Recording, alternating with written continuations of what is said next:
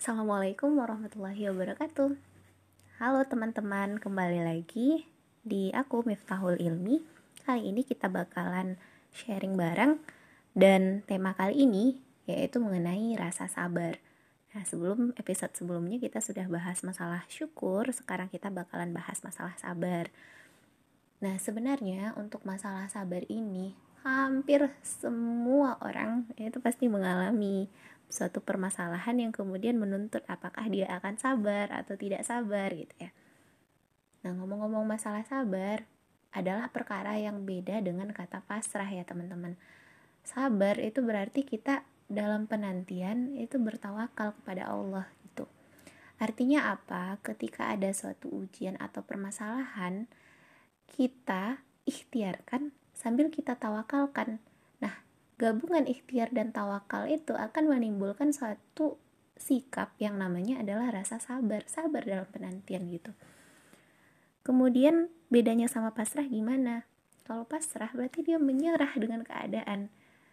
Menyerah artinya nggak ada lagi effort yang dia beri gitu. Ketika misalnya dia diberi ujian, dia tidak berusaha untuk problem solving gitu. Dia nggak berusaha untuk menyelesaikan permasalahannya. Dia terima permasalahan itu lalu ya dia menyerah dengan semuanya. Pasrah gitu ya. Beda dengan yang sabar. Sabar dia tidak seuzon kepada Allah dia tidak seuzon dengan keadaan tapi dia berusaha dia ikhtiarkan kira-kira masalah ini solusinya harus seperti apa. Lalu dalam ikhtiarnya itu dia bertawakal kepada Allah nanti sekiranya Allah kasih jawabannya seperti ini alhamdulillah. Kalau nggak seperti itu ya dia bersyukur alhamdulillah juga gitu. Nah kombinasi ini nih yang disebut dengan rasa sabar. Tapi sering kali orang-orang bilang begini nih ih gampang banget bilang sabar cobain dulu makanya gitu kan. Nah memang rasa sabar itu tidak segampang yang kita kira.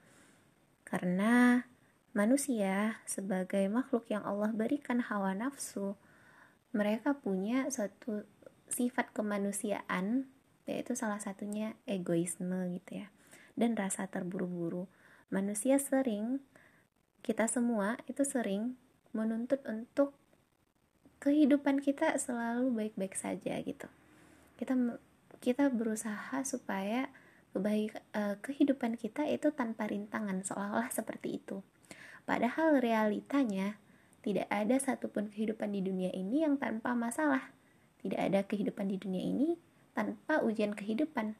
Karena ujian kehidupan adalah bagian dari kehidupan kita sebagai manusia di muka bumi gitu. Nah, dengan adanya ujian kehidupan, dengan adanya permasalahan, ini adalah salah satu cara Allah untuk menguatkan kita manusia. Bayangkan teman-teman kalau kita tanpa ada masalah mungkin kita adalah orang-orang yang rapuh, orang-orang yang terbiasa dalam zona nyaman ya. Orang-orang yang terbiasa dalam lingkaran, lingkaran yang sudah ditentukan gitu.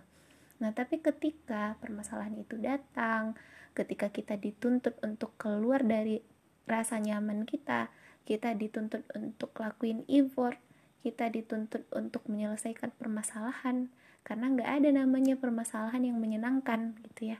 Kita pasti akan berusaha keluar dari itu semua. Nah cara kita keluar jalan kita keluar gimana kita memikirkan jalan keluar itu semua bagian dari ikhtiar yang akan menguji apakah kita sabar atau enggak gitu. Jadi ketika seorang bilang kamu mah bisanya ngomong aja gitu ya. Nah pada hakikatnya setiap manusia yang dilahirkan di muka bumi ini nggak ada tuh yang benar-benar baik-baik aja. Oh iya kamu mah udah dari sononya terlahir kaya. Oke, dari masalah finansial Allah beri dia kelebihan, tapi barangkali dalam hal yang lain, entah mungkin itu pendidikan, kemampuan, kecerdasan, atau mungkin keimanan, Allah kurangi porsinya. Atau ada lagi di sisi lain yang Allah titipkan kecerdasan luar biasa. Tapi finansial yang kurang gitu. Nah jadi setiap kita Allah titipkan porsinya masing-masing teman-teman. Nah ini juga bagian dari apakah kita sabar dengan kehendaknya Allah.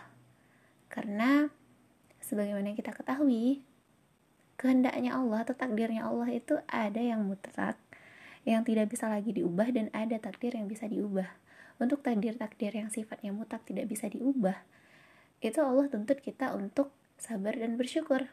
Sedangkan takdir-takdir yang sekiranya masih bisa diubah Allah tuntut kita untuk ikhtiar, tawakal dan sabar lagi. Jadi di setiap takdir Allah tuntut kita untuk sabar. Karena sabar itu berbuah indah sabar itu berbuah manis. Sama dengan dua orang petani yang sama-sama menanam tanaman si petani A dengan telaten menyiram tanaman, kemudian beri pupuk, begitu juga dengan petani B. Tapi ternyata kadarullah satu bulan berlangsung yang seharusnya sudah muncul kecambah, eh tahu-tahu tanamannya nggak tumbuh-tumbuh. Lalu petani A memilih untuk menyerah. Dengan kemudian dia mencari haluan lain gitu ya. Nah, sedangkan petani B itu masih sabar ikhtiar. Dia masih coba om barangkali begini dia coba pikirkan kemungkinan permasalahannya itu apa. Oh barangkali tanahnya. Oh barangkali jenis pupuknya nih. Oh barangkali intensitas pemberian airnya. Oh barangkali jumlah cahaya mataharinya. Dia terus coba usahakan usahakan usahakan. Akhirnya apa? Tanamannya tumbuh. Dan akhirnya lagi apa? Setelah tanamannya tumbuh dan penantiannya lama dia jadi tahu oh kadar yang baik untuk tumbuhan itu ternyata cahaya mataharinya segini. Oh ternyata airnya kadarnya segini. Oh ternyata tanahnya harus lembab harus begini gitu ya. Jadi dia dapatkan ilmu baru yang kemudian mungkin dia bisa kembangkan kembangkan dan kembangkan gitu. Jadi ketika kita bersabar akan ada satu hal yang menanti kita di ujung sana. Yang sekarang posisinya kita nggak tahu nih lagi di mana? Di perempatan jalan kah di pertengahan jalan kah sepertiga jalan kah yang penting akan ada goals atau tujuan nanti. Jadi ketika kita berusaha untuk titik itu terus langkah terus langkah terus ini udah berpuluh gitu ya. Udah rasanya kaki udah menggigil tapi kita terus melangkah melangkah melangkah pada akhirnya kita akan dapatkan ujung yang indah penantian yang indah gitu. Dan rasa sabar itu juga akan mendapatkan penantiannya surga insya Allah.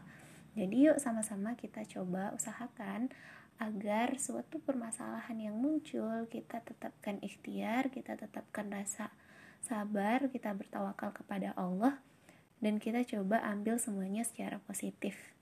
Gitu ya. Supaya kita juga bisa di dunia ini tidak hanya bermanfaat bagi, e, untuk diri kita sendiri tapi juga membeberkan gitu, memancarkan kebermanfaatan kepada orang banyak.